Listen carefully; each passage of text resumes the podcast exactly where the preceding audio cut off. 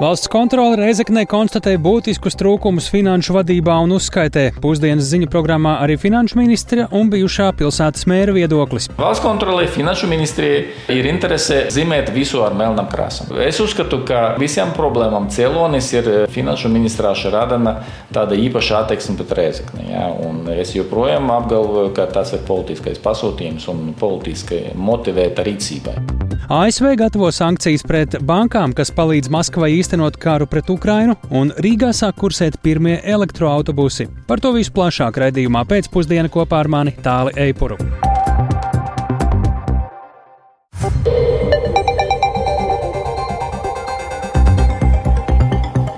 Pūkstens rāda 16,5 minūtes, skan pēcpusdienas ziņu programma, skaidrojot šodienas svarīgus notikumus. Studijā tālāk Eipurs. Labdien! Reizeknas pilsētas pašvaldības šā gada budžeta veidošanas procesā ir vairāki pārkāpumi. Būtiskākais no tiem grāmatvedības uzskaitē nav uzrādītas saistības par teju 14 miljoniem eiro. Tāpēc valsts kontrole likusi Reizeknas vietvarai centralizēt grāmatvedību, kā arī norāda uz zvērinātu revidenta neesamību Reizeknas valsts pilsētā budžeta pārskata sagatavošanai.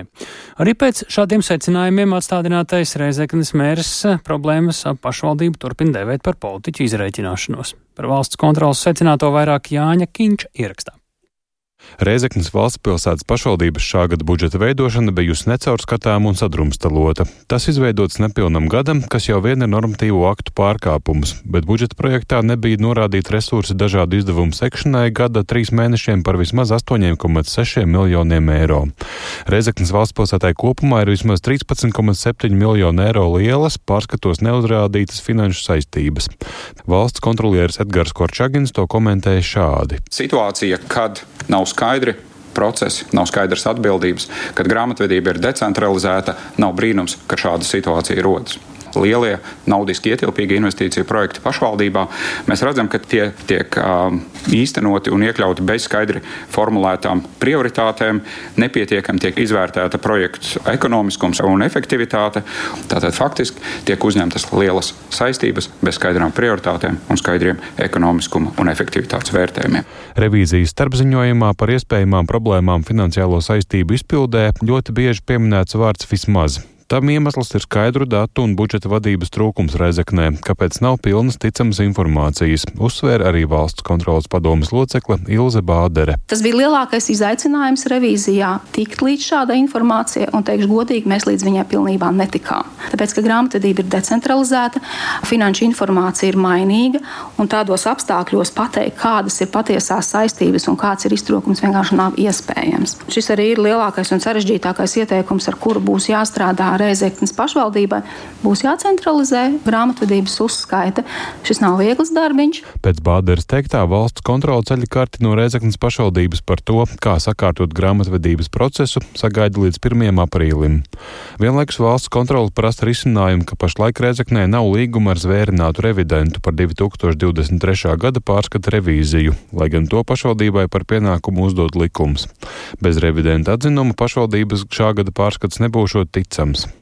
Valsts kontrole gan konkrētu amatpersonu atbildību nav vērtējusi. Savā revīzijas ziņojumā tā norādījusi uz Rezeknas pilsētas pašvaldības vadības atbildību, nenosaucot konkrētus uzvārdus. Savukārt atstādinātais Rezeknas mērs Aleksandrs Bartaševits no partijas kopā Latvijai sarunā ar Latvijas radio atspēko visus pārmetumus. Problēmas Rezeknē sākušās, jo Finanšu ministrija vasarā neakceptēja pašvaldībai pienākošus kredītus jau sāktiem projektiem. Problēmas ar spā centra būvi gan viņš nemin. Gada nogalē budžetā liela daļa nesakārtoto saistību esot atrisinātas, arī jaunu revidentu cerot atrast jau janvārī.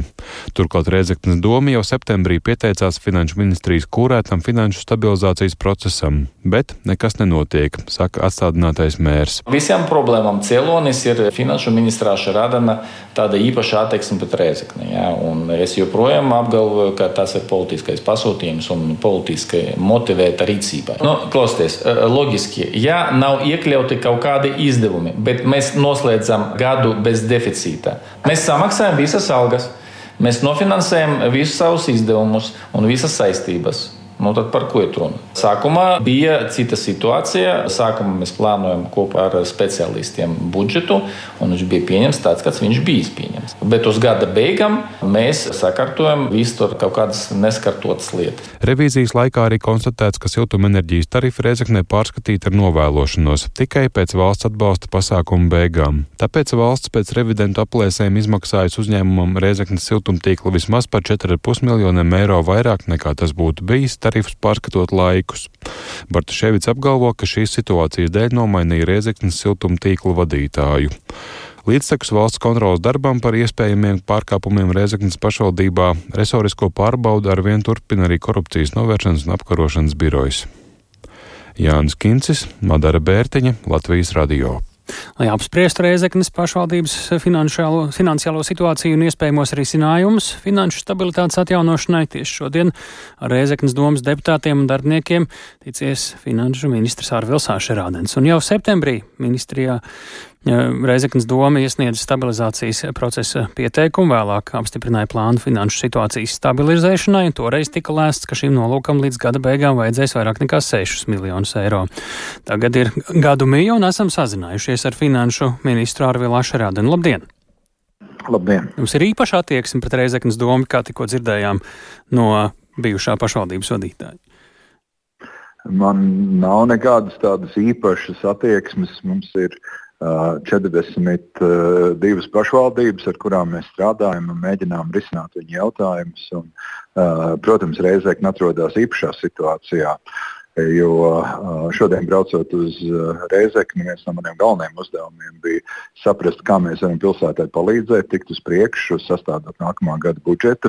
Un liels bija mans pārsteigums, ka mums jau izskatījās slikti finanšu ministrijā kur stabilizācijas procesa ietvaros mēs mēģinājām kalkulēt, kāds varētu nākamā, būt nākamā gada budžeta deficīts. Un pēc mūsu aprēķiniem viņš iznāca uh, gandrīz 8 miljoni. Tad, uh, tad kad Reizeknas pašvaldības izpildu direktors pateica, ka tas ir 10 miljoni, ja 20% no pašvaldības budžeta, nu, man arī bija jāieplēš acis. Un, nu, vienā veidā es varētu atbildēt, bet jā, Reizekna atrodas īpašā situācijā pret pārējām Latvijas pašvaldībām. Es saprotu, šodien jums tā arī nav izdevies satikt politiski atbildīgos par šīm nebūšanām eh, respektīvi pozīcijas politiķi nebija, bija opozicionāri un izpildvara. Nu, tas bija vēl viens man liels pārsteigums. Mēs uh, telefoniski vienojāmies ar Stetskungu, kas šobrīd ir atbildīgs par uh, pozīcijas vadību, ka uh, šodien dienas otrā pusē mēs tiekamies. Un tad viņš īsi pirms tikšanās atsūtīja īziņu, ka viņš ir aizņemts, ka viņš nevar būt. Uh, Nu, tajā brīdī, kad finanšu ministrija uh, tiešām vēlās, nu, finanšu ministrija, es jau nebiju viens, bija arī ministrijas delegācija. Mēs vēlējāmies strādāt pie uh, atrast mehānismus, kā uh, izveidot nākamā gada budžetu. Nu, diemžēl uh, dialoga te nebija un nevienu tas uh, kaut kādā veidā sarunāties, nevienu tas neinteresēja. Tā kā opozīcija bija vienīgā, kas bija atnākusi un, protams, pilsētas izpildirektors. Tad līdz ar šo kāda ir tālākā rīcība sadarbībā ar Rēzeknas domu vai nesadarbībā ar Rēzeknas domu, bet tāpat rīcība? Uh, tas, par ko mēs vienojāmies, uh, tātad pirmkārt mēs izgājām cauri uh, visai tai kritikai, kas ir no valsts kontrolas puses, kas šodien bija valsts kontrolas um, starpziņojumā nopublicēts.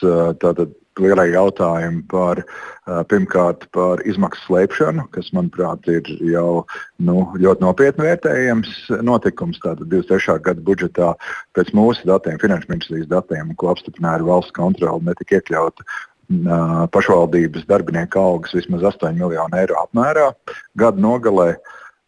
Tad mēs runājam par to, ka Tātad šāda izmaksu slēpšana un negodīga rīcība turpmāk nebūs. Tam izpildu direktors piekrita, ka jā, viņi ir atbildīgi un tas, tas tiks mainīts, lai atrisinātu situāciju. Otrs lielais jautājums, kas, uh, ko mēs arī ilgstoši kopš tika izveidots stabilitātes mehānisms vasaras vidū, uh, tad runājam par to, ka deviņu grāmatvedību vietā ir jāizveido viena pašvaldības grāmatvedība. Uh, par to arī panācām vienošanos, ka tas tiks darīts. Un, protams, trešais lielais jautājums ir, redzot pašvaldības situāciju, pašvaldības revidents pārtrauc līgumu vienpusēji. Un tātad šo situāciju arī mēs pārunājām. Tātad, kādā veidā varētu risināt šo pilsētas finanšu datu uzraudzības mehānismu. Nu, runājam arī par to, ka viņiem būtu jārunā šobrīd ne, jau, ne tikai tādā parasta revidenta līmenī, bet visticamāk būtu jārunā lieliem auditoriem, tā saucamā lielo četrnieku, kurš varētu nākt palīgā, nākt palīgā sakārtot pilsētas finanses. Par šo mēs vienojamies. Tas bija viens bloks, un otrs, par ko mēs runājam, bet man jāsaka, tas atkal tikai pilsētas izpildu direktors. Ka pašvaldība eh, stabilitātes mehānismu ietvaros līdz 22. janvārim sagatavo budžeta, uh, budžeta uh, budžeta teiksim, tā, pirmam lasījumam, un tad, kad viņi viņu ir sagatavojuši, tas ir par pamatu, lai uh, Finanšu ministrija un Finanšu ministrs grieztos valdībā ar uh, tātad, īpašu aizdevumu izveidi, uh, ar kuru tad nodrošinātu pašvaldības darbību. Jo es gribu teikt, ka, nu, ja vienā ar vienu valsts budžetu, ja valsts budžetam Jā. būtu 20% budžeta deficīts, tad šeit Rīgā nu būtu Jā. uh, ne tikai Eiropas stabilitātes mehānisms, bet arī valūtas fonds un kas tik te vēl nebūtu. Ja? Nu, šoreiz ir nu, valdība Rēzeknē. Uh, nu, šajā gadījumā tad atskaites punkts nākamais, es saprotu, pir, nopietnākais janvārī, vai šobrīd, kad jūs esat arī tikko sacījis to, ko dzirdējām, un valsts kontrolas secināto pieliekot klāt, nav jāsāk lūkoties jau reāls, nu, kā jūs to nosauksiet, vai nu krāpniecības vai līdzīgi smagu nodarījumu virzienā šobrīd? Es mēģināšu noformulēt tā par tām, par valsts kontrolas konstatēto. Šobrīd ļoti rūpīgi interesējas tiesību sargājušās iestādes, un tām darbībām ir savs vārds. Es kā finanšu ministrs redzu to, ka pašreizējā komanda ir novedusi pašvaldību, nu, es varētu teikt, līdz bankrota situācijai. Līdz bankrota situācijai. Brīdī, kad uh, mēs nācām finanšu ministriju, tā teikt, nāca pretī un sniegt roku, lai skatītos, kā no tās situācijas iet ārā, pašvaldības politiskā vadība pateica, ka tas viņus neinteresē. Nu, lūk, tad mēs esam vienojušies par termiņu, kurā viņi labi bez sarunām, bet var mēģināt tātad šo situāciju stabilizēt. Uh, tad mēs esam gatavi iesaistīties, ja viņi nestabilizē, ja, ja viņi stabilizē. Ja nē, tad uh, valdībai ir jāpieņem ļoti nopietni lēmumi attiecībā pret Ēzekas pašvaldību. Kāds ir vārds tām darbībām tiesību sargājošo iestāžu, lai mēs saprastu to smagumu, vai kā jūs to raksturot šobrīd? Es, tas jums jā, šis jautājums jums jāuzdod tiesību sargājušām iestādēm. Kā viņi strādā, tas viņi strādā autonomi, bet cik man ir zināms, tad viņi rūpīgi vāc informāciju. Vai pēc jūsu rīcībā esošās informācijas šeit var runāt vai nu par kriminālu likumu vai kaut ko līdzīgu? Jau? Lūdzu, tas Labi, es, varu, es varu novērtēt situāciju par attiecībā uz pašvaldību finansēm. Es vēl neesmu redzējis situāciju, ka pašvaldībai tiktu gatavots budžets ar 20% deficītu. Ja? Tas ir ļoti, no, ļoti nopietni. Ja mēs skatāmies pret um, pašvaldību un reizeknas iedzīvotājiem, nu, nu, tas, nu, Es nezinu, cik būs laiks ilgs nepieciešams, lai pilsēta atkoptos no šīs krīzes. Un patiesībā mums visiem mhm. interesēs būt, lai reizekne augtu, ja nevis, nevis risināt krīžu jautājumus. Lielas paldies par sarunu. Šādā brīdī Arvilam Ašrādinam, finanšu ministram. Un šodien uh, finanšu ministrs kopā ar iekšlietu ministriju apmeklēja Latvijas-Baltkrievijas robežu, lai novērtētu tur paveikto žoga izbūvē. Un ministri ir secinājuši, ka darbi uz Baltkrievijas robežas rit kā plānots. Tikmēr nākamajā gadā paredzēta būvniecība uz robežas ar Krieviju. Par paveiktos Baltkrievijas robežas un plānoto darbu kārtību nākamajā gadā stāsta valsts nekustamo īpašumu valdes loceklis Renārs Griškevičs. Uz šodienu ir izbūvēti 110,5 km, un ar pārliecību varam teikt, ka līdz gada beigām tiks viss žoks izbūvēts sauszemes teritorijā ar Baltkrievijas robežu. Un tālāk jau nākošajā gadā mums jāturpina iesāktais, kas ir jāizbūvē vēl papildus 30 km žoks ar Baltkrieviju, purvainās teritorijās un pie publiskiem ūdeņiem. Un šis darbs mums jāizdara līdz nākošā gada jūlija beigām. Pašlaik notiek iepirkuma process neizbūvētiem posmiem ar Krieviju. Un o, daļā posmu jau tiek slēgti līgumi. Un šeit mēs uz Krievijas robežas darīsim darbus savādāk, respektīvi, darbi tiks sadalīti vairākos posmos, mazākos gabalos. tādā veidā piesaistot vairāk būvu uzņēmēju, kas veiks šos darbus, un paralēli divus posmus plānojam veikt ar Nacionālo bruņoto spēku iesaisti tādā veidā, lai tie darba tempi tiktu veikti daudz ātrāk. Tā ir Nārs Griškevičs no valsts nekustamajiem īpašumiem, bet arī tālāk par Krieviju tikai caur Ameriku. Jaunas sankcijas, kas vērstas pret mūsu kaimiņu valsts, šodien gatavojas parakstīt ASV prezidents Joe Bidenis. Tās ļaus sodīt gandrīz jebkuru banku pasaulē, kas palīdz Krievijai īstenot karu pret Ukrainu. Šīm bankām draudēs atslēgšana no pieejas dolāru sistēmai. Tas daudziem var nozīmēt nopietnu triecienu biznesam. ASV arī gatavojas pievienoties šomēnes Eiropas Savienības apstiprinātajām sankcijām pret Krievijas dimantiem. Tāpēc šobrīd jautājumu uz Brīseles korespondentam Marķimam Konokovam, kādēļ ASV prezidents vērš tieši pret bankām.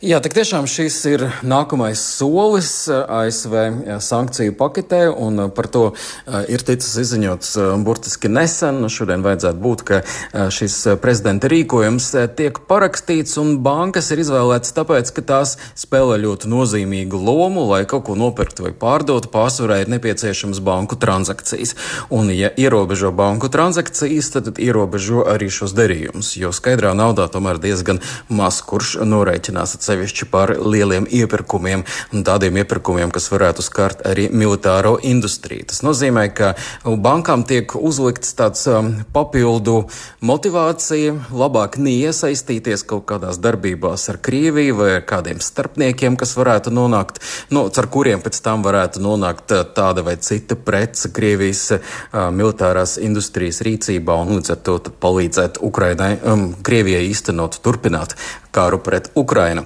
Kā mēs zinām, šobrīd tā sankcija apiešana, protams, ir pietiekami plaša un, diemžēl, joprojām un ar trešajām valstīm tas notiek un tās preces, kas ir aizliegtas, viņas tāpat tomēr Krievijā lielā mērā ierodas un arī Eiropas Savienība ir mēģinājusi spērt dažādus pēdējā sankciju kārtā soļus, lai ierobežotu tieši šo sankciju apiešanu ar trešajām valstīm. Un Amerika var izmantot šo rīku, tāpēc, ka dolārs ir viena no lielākajām pasaules valūtām, ko izmanto uh, daudz kur, un tas, tās bāžas par pieeju dolāru sistēmai, par iespēju strādāt ar dolāriem, ka tas varētu tikt pārtraukts, tās ir ļoti nopietnas bāžas, un tas tiešām ir ļoti nopietnas trieciens, un viņi var izmantot šo kā tādu spiediena mehānismu. Kas ar tiem tev ir zināms par ASV pievienošanos Eiropas sankcijām pret Krievijas dimantiem, vai te vēl kaut kas būtisks šajā visā ietilpst?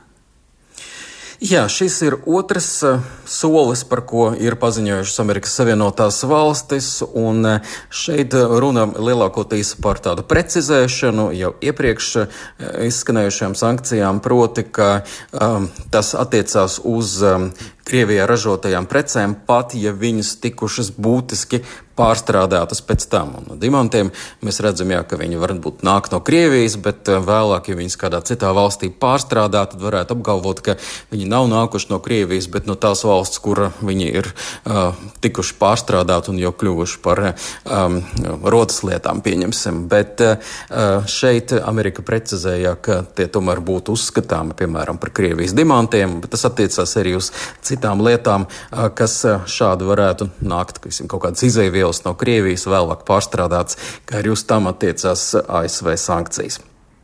Cik lielu ietekmi šis varētu, tavuprāt, atstāt uz Krieviju, jo ik pa laikam ir bažas, cik tad reāli tās sankcijas strādā? Es teiktu, ka šis ir grūtākais un sarežģītākais jautājums. ASV vadība apgalvo, ka viņi varēs veikt tādu ķirurģisku iejaukšanos tieši pret tām bankām, kas, kas strādā ar Krieviju, un ka šīm bankām tad ir izvēle veikt nelielus darījumus ar Krieviju vai tomēr strādāt ar dolāriem, kas ir pasaulē ļoti ievērojama valūta, kā jau es minēju. Līdz ar to šeit tā varētu būt, ka šis radīs papildu spiedienu uz uh, Krieviju un uz Krievijas ekonomiku, vai tieši šis solis varētu kardināli mainīt situāciju, par to es šaubos. Paldies Artimam Konohovam tieši redzē no Brīseles. Tātad jaunas sankcijas, kas vērstas pret Krieviju, šodien gatavojas parakstīt ASV prezidents Joe Bidenis. Bet Čehijā šodien sēro par 14 cilvēkiem, kurus vakar nogalināja valsts vēsturē nāvējošākajā masu apšaudē. Tajā ievainoti vēl 25 cilvēki. Vakar vakarā un šorīt cilvēki noliek ziedus un sveces pie Kārļu universitātes Prāgā. Tur uzbrucējs nogalināja un ievainoja lielāko daļu savu upuru. Policija izmeklē aizdomās turmā motīvus, bet Čehijas prezidents ir aicinājis valsts iedzīvotājus būt vienotiem. Vairāk Ulda Ķēzbera ir sižetā. Vakar pēcpusdienā kāds vīrietis bruņojies ar šaujamieroci iegāja Kārļa Universitātes filozofijas fakultātes ēkā un atklāja uguni gaiteņos un auditorijās. Acu liecinieki apgalvo, ka uzbrucējs nešķiroja cilvēkus, uz kuriem viņš šāva. Daudzi studenti un pasniedzēji apšaudes laikā iebarikādējās telpās, lai uzbrucējs viņus nevarētu atrast, bet grupiņa cilvēku patvērās ārpusē uz ēkas dzegas vairāku stāvu augstumā.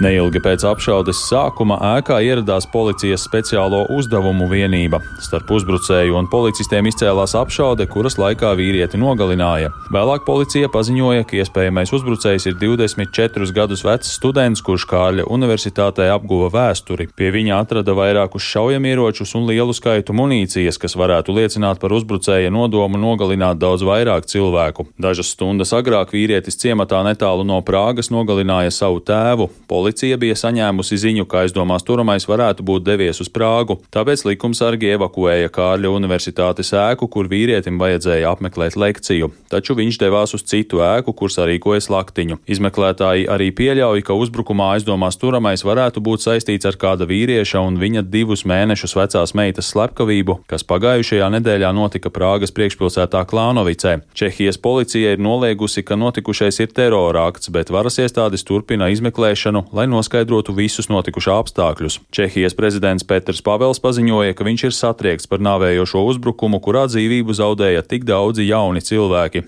Prezidents arī aicināja Čehijas sabiedrību būt vienotai šajā traģiskajā brīdī. Es aicinu neizmantot šo traģisko notikumu. To nevajadzētu izmantot politiski, to nevajadzētu izmantot, lai uzbruktu policijai, to nevajadzētu izmantot, lai izplatītu dezinformāciju. Un šis aicinājums attiecas uz visiem - uz politiķiem, uz medijiem, uz iedzīvotājiem, uz visiem, kam ir piekļuve sociālajiem tīkliem, jo šajā brīdī mums mums visvairāk ir nepieciešama savaldība un vienotība. Žurnālists Andržējs Soukups pastāstīja, ka valsts ir satriekta par notikušo. Nu, это, конечно же, ужасная трагедия, действительно, Чехija. Tā ir briesmīga traģēdija. Čehija daudzus gadus tika uzskatīta par vienu no drošākajām valstīm pasaulē. Protams, ir milzīgs šoks. Turklāt tas notika filozofijas fakultātē, kur es un daudzi mani kolēģi ir mācījušies vai mācās joprojām. Mūsu sajūtas ir grūti aprakstīt vārdos. Līdz šīs dienas rītam Čehijas iedzīvotāji bija saziedojuši aptuveni 6 miljonus kronu, jeb 244 tūkstošus eiro, kas tiks novirzīti slaktiņā nogalināto ģimeņu, kā arī Kārļa Universitātes studentu un pasniedzēju atbalstam. Līdzjūtību Čehijai ir izteikuši daudzi ārvalstu līderi. Piemēram, ASV prezidents Joe Bidenis sociālajā tīklā X rakstīja, ka viņam ir žēl par tiem cilvēkiem, kuri zaudēja dzīvību bezjēdzīgajā apšaudē, bet Vācijas kanclers Olafs Šolts rakstīja, ka viņš ir dziļi satriekts par briesmīgajām ziņām no Prāgas. Čehijas valdība rīt ir izsludinājusi nacionālās sēras. To laikā pie visām ēkām valsts karogi būs nolaisti pusmastā, bet pulksten 12. visā valstī skanēs baznīcu zvani, bet pēc tam tiks ievērots klusuma brīdis, pieminot uzbrukumā nogalinātos. Uldis Česberis, Latvijas radio. No šodienas eh, Svētku laika sākumā policija uz autoceļiem rīkos dažādas papildu pārbaudes, un pasaules čempionāta šautriņmešanā ar vēsturiski augstāko sasniegumu kā arī turpina Madars Rāzma no Latvijas. Šie un citi temati raidījumi pēcpusdienu tuvākajās minūtēs.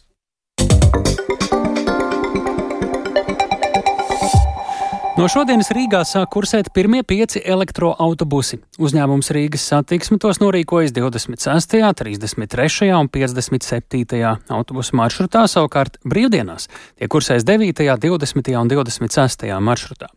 Ar ko jaunie elektroautobusi atšķiras no jau esošajiem autobusiem, un vai nākotnē varam sagaidīt, ka elektroautobusu Rīgā būs vairāk, par to plašāk Agnijas Lazdiņas ierakstā.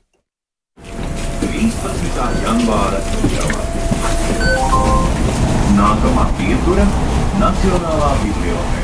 Uzņēmums Rīgas satiksme ir iegādājies 35 jaunus elektroautobusus, kas pakāpeniski veicot pēdējās pārbaudas un sagatavošanas darbus, dodas Rīgas satiksmē. Pirmie pieci elektroautobusi jau dodas noteiktos maršrutos, kas izvēlēti pēc to garuma un režīma. Šobrīd autobusi brauc lielākoties rīta un vakara stundās, lai pilnvērtīgi izmantotu akumulātoru baterijas, tie nebūtu papildus jālādē un lai varētu pārbaudīt autobusu darbību. Kā stāsta Rīgas satiksmes valdes loceklis Andris Lubāns, palielinoties elektroautobusu skaitam, kas nonāks satiksmē, tiks izvēlēti arī citi maršruti. Pirmkārt, elektroautobusi ir aprīkot ar elektrodzinējiem un saņem enerģiju no akumulatoriem. Tiem nav dīzeļdzinēji, līdz ar to tie pārvietojas klusi un nerada piesārņojumu pilsētā. Pasažieri izjutīs vienkārši kā jaunu autobusu, kā komfortablu, klusu, mierīgu un, protams, ar tām komforta iespējām, kādas ir bijušas arī citos autobusos. Tas ir iespēja uzlādēt telefonu un līdzīgi. Līdz ar jauno autobusu saņemšanu Rīgas satiksmi ilgtermiņā samazināšot eksploatācijas izmaksas. Savukārt pilsētā tikšot samazināts gan kaitīgo izmešu, gan trokšņu līmenis. Atšķirībā no ierastajiem balti zilajiem ar dīzeļdegvielu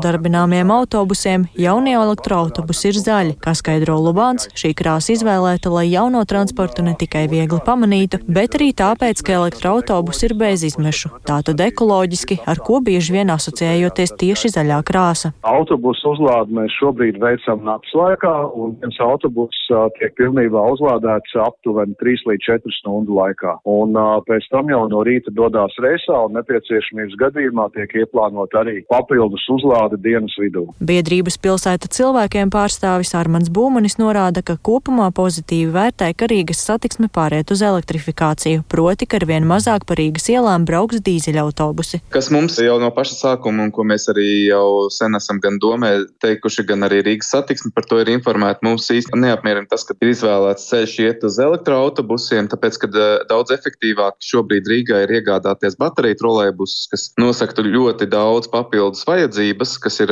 mums tieši sabiedriskiem transportam, un viņu uzlādēji nav nepieciešams papildus laiks, jo viņi uzlādējas braucot zem vadiem. Bet, attiecīgi, elektroautobusiem ir gan lielas baterijas, kuras jālādē ir ilgu laiku, gan arī palielināts svars, kas īstenībā arī nu, nav baigi forši, jo tomēr tas svars arī ietekmē izdevums, jo tas lielais svars vienmēr ir līdzi jāved, pat ja neved nevienu pasažieru, tev jāved līdz tās daudzās baterijas. Rīgas satiksmes valdes loceklis Andris Lubāns gan norāda, ka par labu elektroautobusu iegādēja lemts, lai iegūtu finansējumu, taču jau šobrīd tiekot domāts arī pie trolejbusu nomaiņas. Jauno elektroautobusu iegāde veikta ar Eiropas Savienības kohēzijas fonda līdzfinansējumu, un pirmo 35 elektroautobusu iegādēji plānotā maksimālā līguma summa ir 19,2 miljoni eiro bez PVN. Rīgas satiksme gan plāno pirkt papildu 17 elektroautobusus, kas izmaksātu vēl 9,3 miljoni bez PVN, piesaistot Eiropas Savienības atveseļošanas fonda līdzfinansējumu, taču par to vēl skaidrs lēmums nav pieņemts,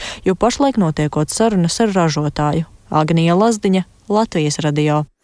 Eiropas nauda piedalījusies arī mūsu nākamajā stāstā. Kuldīgā šodien atklāja grupu dzīvokļus cilvēkiem ar garīgās attīstības traucējumiem un sociālo pakalpojumu centra tilts. Tas izveidots, izvietots senās būvēs, un līdz ar to īstenots arī projekts, kur izdevies sakārtot vēl vienu ēku kompleksu pilsētas vēsturiskajā centrā. Abas sociālo pakalpojumu sniegšanas vietas būtiski uzlabos dažādu pakalpojumu pieejamību kuldīgā gan pieaugušajiem ar garīgās attīstības problēmām, gan bērniem ar funkcionāliem traucējumiem. Sociālo pakalpojumu centra būvniecība ir Eiropas Reģionālā attīstības fonda līdzfinansēta. Plašāk Ingas Ozols ierakstā. Ļoti labi, ka izdodas tātad, savienot gan šīs mūsu vajadzības, gan ar Eiropas uzstādījumiem, un kopā gala rezultāts ir gan sakopta un sakārtota vēl viena vieta mūsu kuldīgā, mūsu vecpilsētā, un cilvēkiem, tātad, kam ir tiešām tas īpaši vēl vajadzīgs, ir atbalsts, būs iespēja līdzdarboties un kļūt iekļaujošākiem. Pašu spēkiem nekas tāds nebūtu iespējams, uzsver Kuldīgas novada domas priekšsēdētāja Ines Astaševska no Kuldīgas novadam. Mērķiecīgi tiek domāts, kā nebūvēt jaunas ēkas, bet gan pielāgot un izmantot to, kas jau ir pieejams. Tā izdevies arī sakārtot ēku kompleksu, kur tagad izvietots sociālo pakalpojumu centrs tilts. Mēs esam tādā vecpilsētas sirdī, Liepājas ielā 14. Uzskatām redzams viens no iegūmiem. Tas ir vēl viens sakopts vēsturisku ēku komplekss ar koka logiem, koka grīdām, atjaunotas arī vēsturiskās un oriģinālās durvis, vēsturiskā krāsnes un citas detaļas. Gandarījumu par paveikto pauž kuldīgs sociālā dienesta direktore Sarmīta Segliņa. Mēs esam šī dienas centra zālē, kas, manuprāt, ir tāds lepnums un skaistums tiešām viss vecpilsētas elpa. Un ko es gribu varbūt padižoties, ka šī zāle ir paredzēta gan pilngadīgajiem, gan bērniem.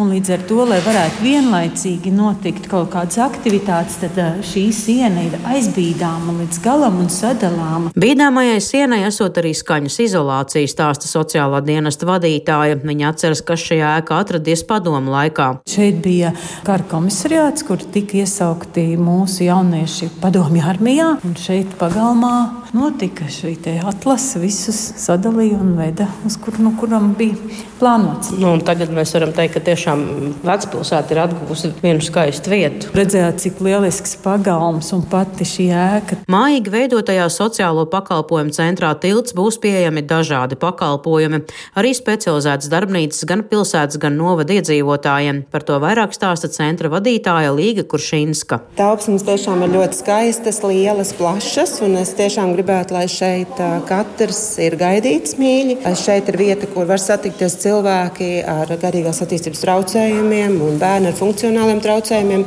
Un ne tikai viņi, bet arī viņu ģimenes, nu, lai mēs skatītos uz nākotni. Kas šajā telpā būs? Šajā telpā būs kulinārijas nodarbības pieaugušajiem ar GRT. Šeit mēs kopā mācīsimies gatavot ēst, mācīsimies dažādas sadzīves prasmes. Tā kā es domāju, ka šī būs tāda forša vieta, kur klientiem daudz apgūt, kopā pavadīt laiku. Dienas centrā tilts būs arī šūšanas darbnīca, turpina vadītāja. Droši vien būs dažādi rokdarbi, ne tikai šūšana, bet arī visas citas lietas, kas saistītas ar rokdarbiem. Arī tās tādas uh, dzīves prasmes, kas ir vajadzīgas un ko apgūsim kopā un mācīsimies. Būvdarba ietvaros ēkai nodrošināta vides pieejamība, iebūvēts arī lifts nokļūšanai uz otro stāvu.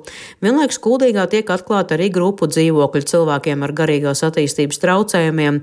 Tā ir pārbūvēta ēka un pielāgota šim mērķim mērķim, turpina sociālā dienesta direktore Sārmīta Segliņa. Šeit būs 12 cilvēkiem mājas, 12 cilvēkiem ar garīgu raksturu traucējumiem. Četri no šiem cilvēkiem atgriezīsies un uzsāks patstāvīgu dzīvi no sociālās aprūpas institūcijām. Pārējie cilvēki būs no Kuldīgas novada, un visi šie cilvēki ir speciālistu izvērtēti Un ar viņiem ir gan e, intervijas, gan sarunas, gan arī visas pārējās spējas novērtētas, ka viņi var un vēlas dzīvot no atsevišķu savu normālu dzīvi. Cilvēkiem būs nepieciešams atbalsts, tāpēc šo pakalpojumu grupu dzīvokļos veiks Samariešu apvienība. Līdzīgi grupu dzīvokļu cilvēkiem ar garīgās attīstības traucējumiem Kuldīgas novadā izveidot arī Nīkrātas pagastā dzeldā. Šī gada decembrī noslēdzas projekts Kurzeme visiem, kas tiek īstenots jau kopš 2016. Gada. Deinstitucionalizācijas projekti īstenoti vairākās Kurzemes pašvaldībās. Būvniecības kopējās izmaksas kuldīgā, neskaitot pievienotās vērtības nodokli, sasniedz gandrīz 800 tūkstošus eiro. Ingozola Latvijas radio Kurzemē. Tojas svētki. No šodienas policija uz autoceļiem rīkos dažādas papildu pārbaudes. Uzsvars būs likts uz tādiem satiksmes apdraudējumiem kā braukšana reibumā, drošības jostu nelietošana un mazāko pasažieru droša pārvadāšana. Pierādījuma pēcpusdienu klausulis satiksmes drošības vadības biroja priekšnieks Artūrs Smilga. Labdien! Labdien! Nu, kādu policijas aktivitāti iedzīvotāji, autobraucēji varēs novērot uz autoceļiem šajās pirmssvētku un svētku dienās? Tā, jā, tā tad jums taisnība jau no šodienas un līdz pat 2. janvārim valsts policija pastiprināti uzraudzīs satiksmes drošību, īpaši uzmanību pievēršot tieši šiem transporta līdzekļu vadītājiem, kuri ir sēdušies pie stūres alkohola un narkotiku vielu reibumā.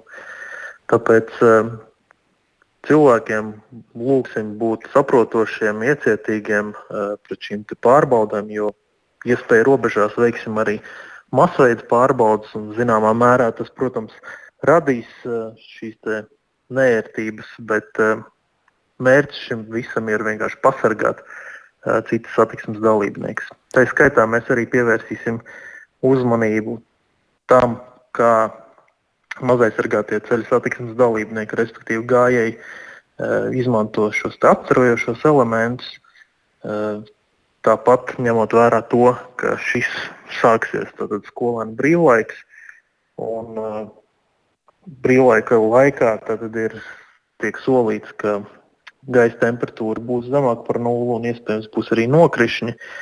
Tad paredzam arī to, ka varētu būt būs kāds vadītājs, kurš izdomās priecēt šos skolēnus, velkot viņus uh, aiz mašīnas, pieķerts ragavās vai slēpes. Tātad, lai nepieļautu šīs, šīs šāda veida izklaides, tad arī šiem vadītājiem tiks pievērsta sevišķa uzmanība. Uz ko jūs aicinātu Līdz ar to šeit eh, šo, piemēram, var fiksēt arī apkārtējie līdzcilvēki, kaimiņi vai līdzīgi. Eh, uz ko jūs aicinātu vērst uzmanību līdz ar to visus pārējos, kuri nav paši autovadītāji un eh, kur kā ziņot par iedzeršanu, par līdzīgi citiem pārkāpumiem jūsu pieminētajiem arī? Jā, mēs kā policija iedzīvotājus aicinām būt atbildīgiem un gadījumā, ja ir informācija par to, ka kāds ir pie stūra sēdēs alkohola reibumā, tad, tad zvanīt uz 110 vai 112 un, informēt mūs par šiem gadījumiem. Tāpat arī pašu iespēju robežās, tad, tad zinot, ka kāds ir iedzēris un neļaut viņam braukt. Eh, atņemt mašīnas atslēgas un vienkārši neļaut viņam braukt. Mm ar, ar mašīnu. Tādā veidā iespējams arī tiktu izglābt kādu dzīvību. Reķināmies ar papildus pārbaudēm uz ceļiem līdz pat, kā jūs sacījāt, 2. janvārim. Paldies par sarunu. To mēs sakām Artūram Smilgam, satiksmes drošības vadības biroja priekšniekam. Bet pirmo reizi karjerā pasaules čempionāta trešo kārtu sasniedzis Latvijas labākais šauteņu metējs Madars Rāzma. Viņš vakar Londonā čempionātu sāka ar uzvaru pār Beļģijas sportistu Maiku de Dekeru ar 3 pret 1, un tas nozīmē, ka trešajā kārtā Latvijas tiksies ar pasaules čempionu Maiklu Smitu. Pērna Rāzma pasaules čempionātā sasniedz otro kārtu, ko Šī uzvara nozīmē Latvijas sporta kontekstā un arī pasaulē, kā arī kas tad Madaru Razmu sagaida pasaules čempionāta turpinājumā. Tūdaļ esam gatavi aicāt kolēģim Mārtiņam Kļavniekam. Saki, Mārtiņ, eh, tiem, kuri pastiprināti nesako līdzi šautriņu mešanai, pieļauju, ka tādu ir daudz, kur pasaules rangā šobrīd atrodas Latvijas šautriņu metējs Madars Razmu un cik spēcīgs bija viņa otrās kārtas pretinieks? Jā, sveiks tālu un sveicināti radioklausītāji. Madars ir augstajā, tiešām augstajā 32. vietā pasaules rangā. Viņš arī ir tātad izsēto pulkā šajā pasaules čempionātā, kas arī ir vēl nebijis sasniegums viņam un arī Latvijai kopumā. Mm, un, jā, nu, pretinieks um, bija aps, diezgan tuvu šai reitinga vietai, un to var arī redzēt, ka mm, Madars vakardienas spēle sāka pārliecinošāk pirmajā setā, un pēc tam, nu, tur sakoja tāds kāds lūzums, eh, pārņem iniciatīvu pretinieks, tad atkal Madars un eh, jā, nu tādi amerikāņu kalniņi izvērtās, bet beig beigās Latvijas tomēr nodrošināja sev uzvaru, nu, un tas arī ir tas, kas ir jāieskicē, jo kopumā 96 labākie pasaules šautriņu metēji sabrauc eh, Londonā šajā Aleksandra pilī, mm, tā to šo vietu arī sauc, jeb Elī Pelī, kā to pašu spēlētāju dēvē, nu, un tad noskaidro labāko, kurš tad ir pasaules čempions. Tāli. Šobrīd mēs tā oficiāli jau varam sacīt, eh, ko mēs pieminējām pieteikumā, ka uh, Madara Razmas iekļūšana pasaules čempionāta trešajā kārtā šautriņmešanā ir visu laiku lielākais panākums uh, no Latvijas šajā sporta veidā. Jā, tieši tā arī ir. Es pārliecinājos par to vēlreiz oficiāli. Man to apstiprināja arī um, vietējā federācija, kas Latvijā oficiāli sauc Latvijas darts organizācija. Darts tātad paņemts no angļu valodas nosaukuma šim sporta veidam, bet runa ir tātad par šautiņu mešanu. Jā, tas gan Madaram Razmam ir augstākais sasniegums karjerā pasaules čempionātos, gan visam šim sporta veidam Latvijā visaugstvērtīgākais sasniegums, visu laiku augstvērtīgākais. Tāli. Nu, kas tad eh, Madaru Razmu sagaida tālāk? Kāds pretinieks eh, un cik reāls iespējas tikt vēl tālāk? Eh, kā tur ir, ja zaudē šim nākamajam, pēc, ko mēs pieminējām, ļoti spēcīgiem pretiniekam, tad čempionāts beidzas vai tur jau jācīnās par kādām vietām? Jā, nākamais pretinieks, eh, nu, absolūts favorīts pasaules čempions Maikls eh, Smits, nu, un eh, tur būs ārkārtīgi grūti. Viņš um, ļoti labi spēlē šajā sezonā, tā vienmērīgi, viengabalaini, nu, Madram Razmam jācenšas uzspiest savus spēles stils, tad kaut ko var izdarīt, bet jā, nu, ja zaudē, tad, nu, šautriņu mešanu diezgan daudz var pielīdzināt tenisam. Ja tu zaudē, tad tev viss ir beidzies, tevi pēc tam, nu, tā arī klasificē, ka tu zaudēji šajā konkrētajā trešajā kārtā, nu, un, jā, jā, tur arī seti, tā arī līdzīgi, līdzīgi terminoloģija, kā arī, kā arī ir um, tenisā. Bet es jautāju arī Latvijas dārts organizācijas prezidentam mm, Žanim Buklovskim, ko šis te Madara Razmas sasniegums šī trešā kārta varētu dot vietējai šautiņu mešanai. Lūk, ko Žanis Buklovskis man atbildēja.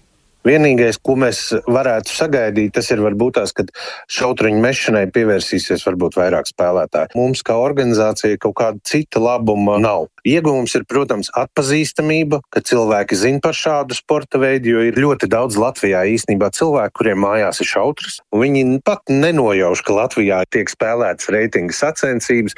Ja pirms gadiem desmit vai vairāk mēs tur uz sacensībām, ja ieradās 32 spēlētāji, tad viss bija sajūsmā. Tad tagad mēs jau domājam, kurā mirklī mums vietējos reitingu mačos jau būs ap 200 spēlētāji. Jā, tālāk Žants Buklovskis, Latvijas šautrīņu mešanas federācijas prezidents. Nu, te es vēl gribēju minēt arī dažus skaidļus, ka, piemēram, Īsi. tajā pašā jā, apvienotajā karalistē, tāpat arī Vācijā vairākus miljonus liela auditorija, TV auditorija aptver šīs te pasaules čempionāts, bet to raida arī Dānijā, Austrālijā, Kanādā, Dienvidāfrikā, Jaunzēlandē, Singapūrā, Ķīnā, Indijā un tā tālāk un tā tālāk. Tā kā tiešām tā ir laba reklāma arī Latvijai. Un augsts sasniegums. Paldies Mārtiņam Kļaviniekam, šis bija ziņu raidījums pēcpusdienā.